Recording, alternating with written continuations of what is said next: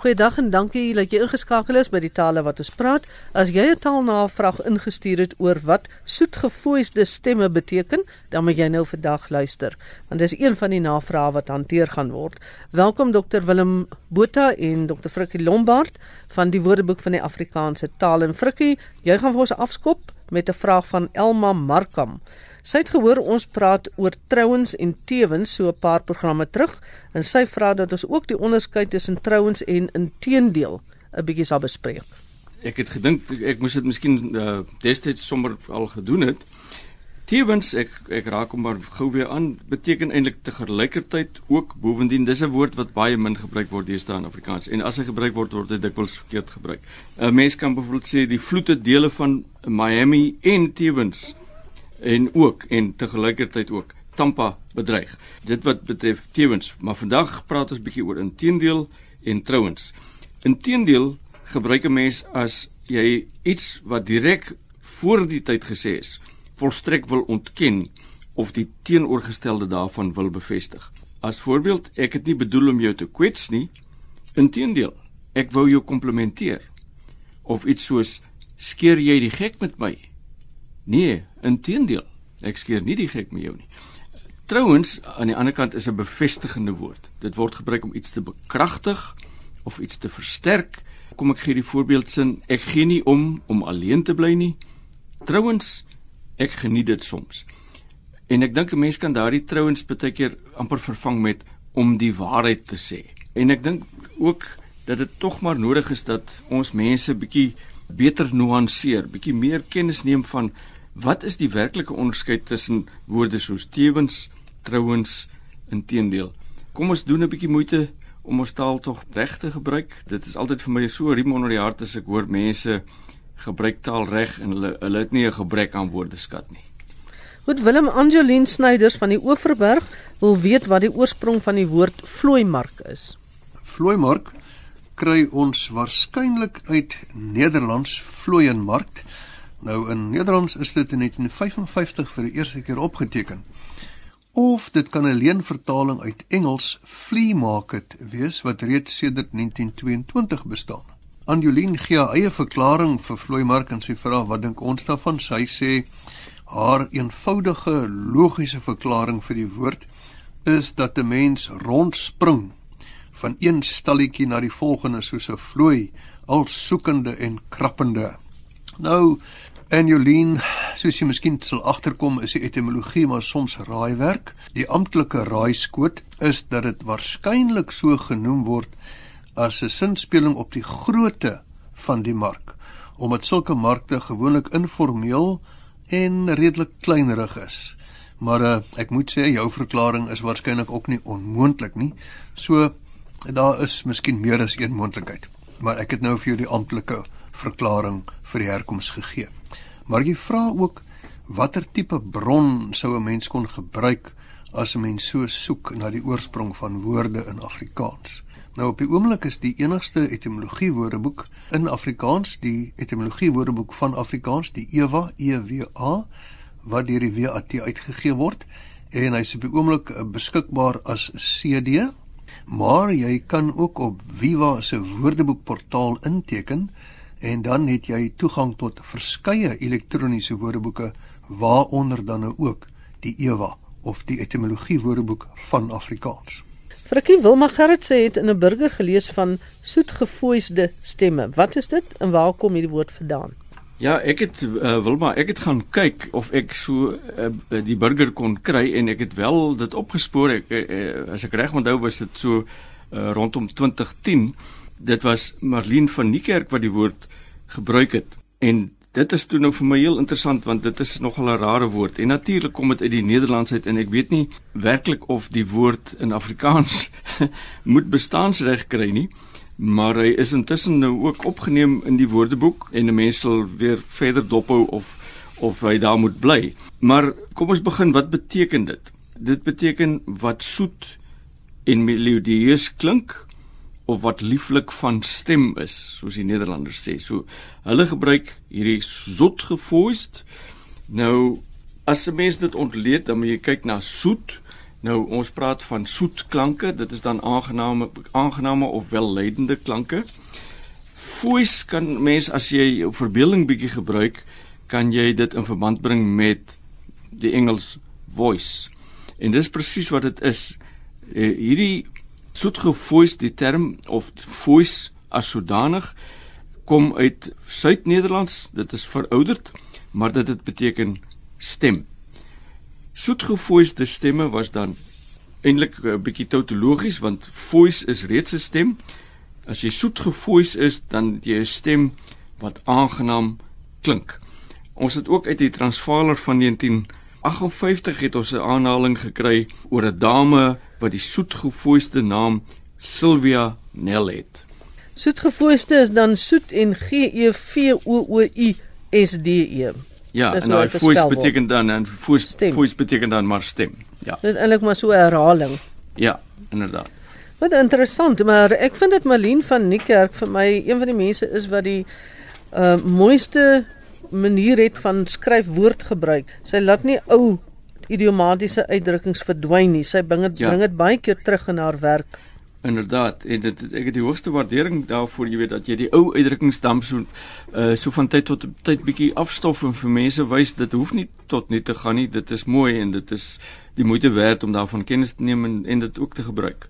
Ja, ek het nou eenmal hierop gekomplimenteer, hieroor gekomplimenteer toe sê sy Willem Dit staan alles in die Woordeboek van die Afrikaanse taal.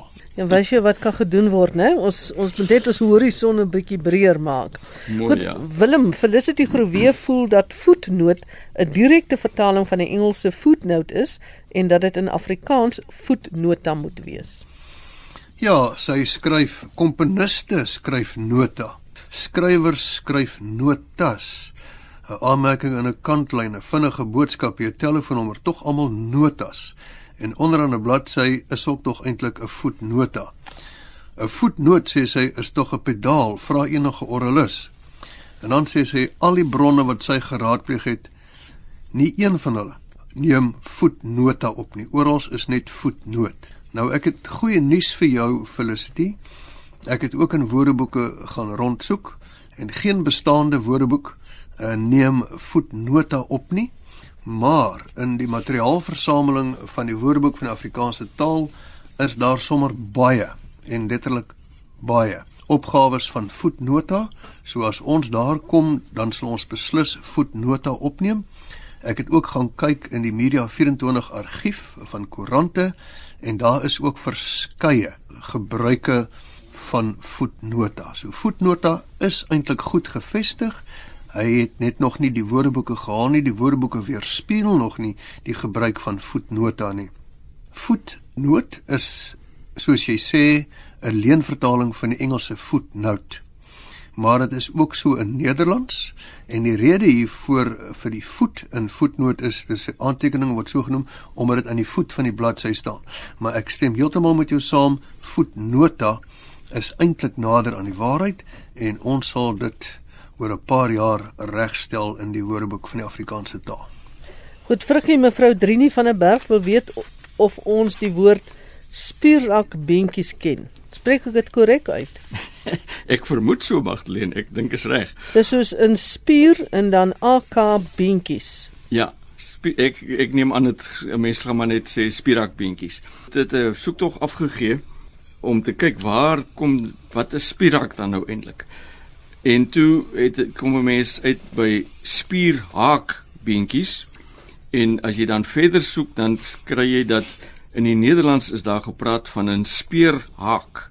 Nou 'n speerhaak was dan enigiets van twee uitsteeksels van 'n bepaalde soort aambeeld. Die aambeeld is dan 'n taamlik massiewe ding en dan hierdie twee uitsteekseltjies was dunnerig en jy weet as jy dit nou vergelyk met die massa van die aambeeld se middelste deel, die soliede deel.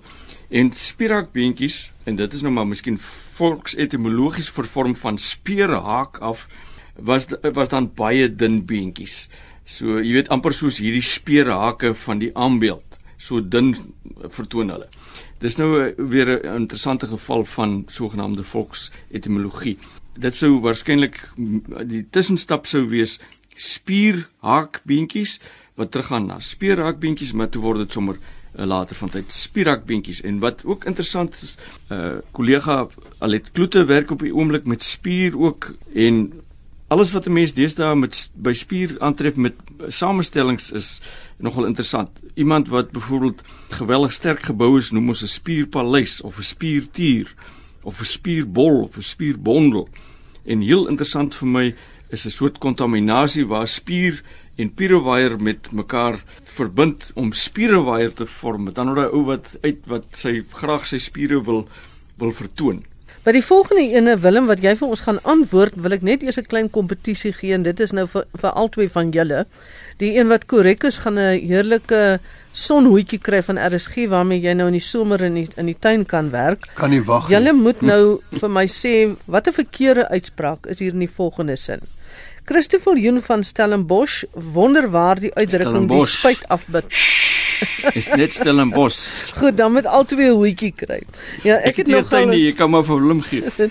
ek het nog al 'n broertjie dood daaraan 'n mens kry dit net nie uit mense dat jy nie Rondebosch in Stellenbosch in Franshoek sê nie, maar ons sal daaraan ook werk. Kom ons mm. kyk na die vraag. Christoffel Joen van Stellenbosch wonder waar die uitdrukking die spit afbyt vandaan kom, Willem. Ja, ek het gaan kers opsteek by Anton Prinsloo se spreekwoorde en waar hulle vandaan kom. En daaruit uh, kon ek die volgende agterkom. Is oorspronklik verwys dit na die vyand wat aanstorm met spiese of gevelde bajonette en in Nederlands staan dit dan as spitte bekend. Hierdie spiese of gevelde bajonette wat op jou gerig is, dit is die spitte. En die eerste linie verdedigers het die aanval die hoofgebied deur dapper toe te laat dat die eerste steke van die vyand met die spitte hulle liggame deurdring. En die spitte is op hierdie manier buite werking gestel en die tweede linie het so tyd gekry om self aan te val. So as jy die spit afbyt, dan stel jy jouself, jy offer jouself op om die aanval om die vyandigheid te absorbeer sodat hulle self opgeoffer Dan Frikkie Basie Gelderblom vra oor die herkoms van wit olifant. Basie, ons weet dat wil, wit olifant is iets wat eintlik vir jou 'n oorlas is en wat nie werklik 'n doel dien nie. Ek het ook gaan kyk wat uh, in Anton Prinsloo se idioom woordeboek staan. Sy verklaring is in die oudtydse uh, land Siam wat nou Thailand is, is 'n wit olifant as heilig beskou. En so oor so dier mog nie werk nie. Hy jy kan hom nie inspann nie. En nou het dit gebeur dat sommige howelinge die koning van tyd tot tyd geïrriteer het en dan het hierdie koning die mense nou belas en nie beloon eintlik nie, maar belas met 'n wit olifant as koninklike geskenk. Nou soos ek gesê het, die dier is heilig. Hy kon nie werk nie en die howeling moes nou vir hierdie dier sorg. Hy moes genoeg kos en water kry, hy moes geskrob en gepamper lang word hy was nutteloos vir die ontvanger, maar as mense nou dink hoeveel kos so olifant per dag moet eet, moet inneem net om in die lewe te bring, was dit eintlik dan 'n geweldige las wat die koning op iemand gelê het. 'n Wit olifant was dus iets wat jy gekry het wat vir jou las was en wat verder heeltemal nutteloos was. Nou Frikkie, kom ons bly by jou en spring van olifant na renoster toe, die groot 5. Gee ook vir my 'n uitleg van renoster se herkoms en dis 'n vraag van Pieter van Sail. Ja, nou die Nederlands ken natuurlik ook rhinoceros en neushoorn terwyl ons praat van renoster. Waar kom dit vandaan? Die eerste deel die rhino of rhino soos ons dit ken, kom van die Griekse rhinos wat teruggaan na rhis wat neus beteken. En ons ken in Afrikaans hierdie stam in mediese terme soos rhinologie. Uh dis daardie deel van die geneeskunde wat op die neus en die neusgange toegespits is of rhinoskopie met ander die ondersoek van die neusholte met 'n rhinoskoop en rhinoree is loopneus. Die tweede deel van die naam kom van die Grieks keras, die dit is nou die ster deel wat ons ken wat horing beteken. En daardie keras stam ken ons nog in party mediese terme soos keratin wat proteïen is wat jy in horingagtige weefsel aantref en keratitis wat 'n inflammasie is van die kornea of dan die inflammasie van die horingvlies uit latyn cornus wat horing is. Die Nederlandse neushoorn is dus eintlik 'n baie presiese vertaling van wat die ding oorspronklik was. maar ons bly maar by renoster want dis wat ons goed ken. Willem nou gaan ons 'n huildronk instel ons het 'n navraag gekry van iemand wat sê dat sy kry die woord huildronk nie eintlik in woordeboeke nie. Ja, Erika Stein uh, vra so en ek het gaan kyk. Um, ek kry dit wel in die antwoordeboek van Afrikaanse taal en die woordeboek van Afrikaanse taal. So miskien het sy baie ou woordeboeke of miskien is daai bladsy dalk toevallig net nie in haar woordeboek nie of miskien het iemand wat voor haar die woordeboek uh, gebruik het 'n uh, kompleks oor alkoholiese drank en hy die bladsy verwyder maar is oral beskikbaar en huildronk is natuurlik nou die drink van 'n drankie om iemand of iets geluk te wens of voorspoed toe te wens. Jy sal vonkelwyn skink om 'n huildronk op die nuwe jaar te drink. Jy kan ook 'n huildronk instel op 'n persoon. En mense wonder dalk ook waar kom die dronk van huildronk vandaan? Nou daai dronk van huildronk is 'n selfstandige woord en as jy in die Woordeboek van Afrikaanse taal kyk, dan uh, beteken dit soveel as wat iemand op 'n keer drink, 'n teug, 'n sluk of 'n drankie of 'n dop of 'n dosis as jy van medisyne praat. So jy drink 'n paar dronke of jy drink 'n klein dronkie. Dit is so 'n klein uh, drankie of 'n teug of 'n bietjie, soveel as wat jy op een slag drink. So as jy huildronk instel, dan drink jy eintlik 'n drankie op iemand se huil. Dit is 'n huildronk is 'n drankie op iemand se huil. Goed en ons gaan vandag se program dan afsluit Frikkie met 'n vraag aan jou. En in 'n boek van Karel Skooman het Jan van Tonder die volgende gelees: Ek weet nie waarom julle altyd in die kontramine moet wees nie. Nou vra Jan, wat is kontramine? Ja, Jan, dit is 'n interessante vraag. Ek het 'n bietjie rondgesoek. Dit staan inderdaad in in die WAT. En Tosius het dit ook in 'n voorbeeld sin gebruik. Hy sê elke keer is dit op die volkevergadering uh, Rusland wat in die kontramine is.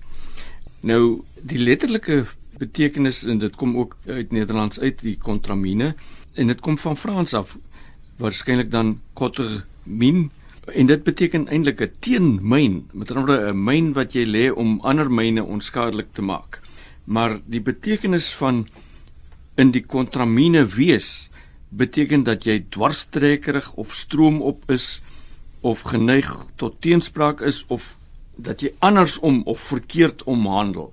Soos wat 'n teenmyn as dit ware verkeerd omwerk hy maak ander myne onskadelik en hy laat nie uh, skepe sink nie Op daardie noot moet ons nou hierdie program sink vir eers, maar bly ingeskakel op RSG vir die res van die dag nog baie interessante programme wat voorlê. Baie dankie Dr Willem Botha en Dr Frikkie Lombard vir julle deelname vandag. Groetnis van my Magdalene Creer.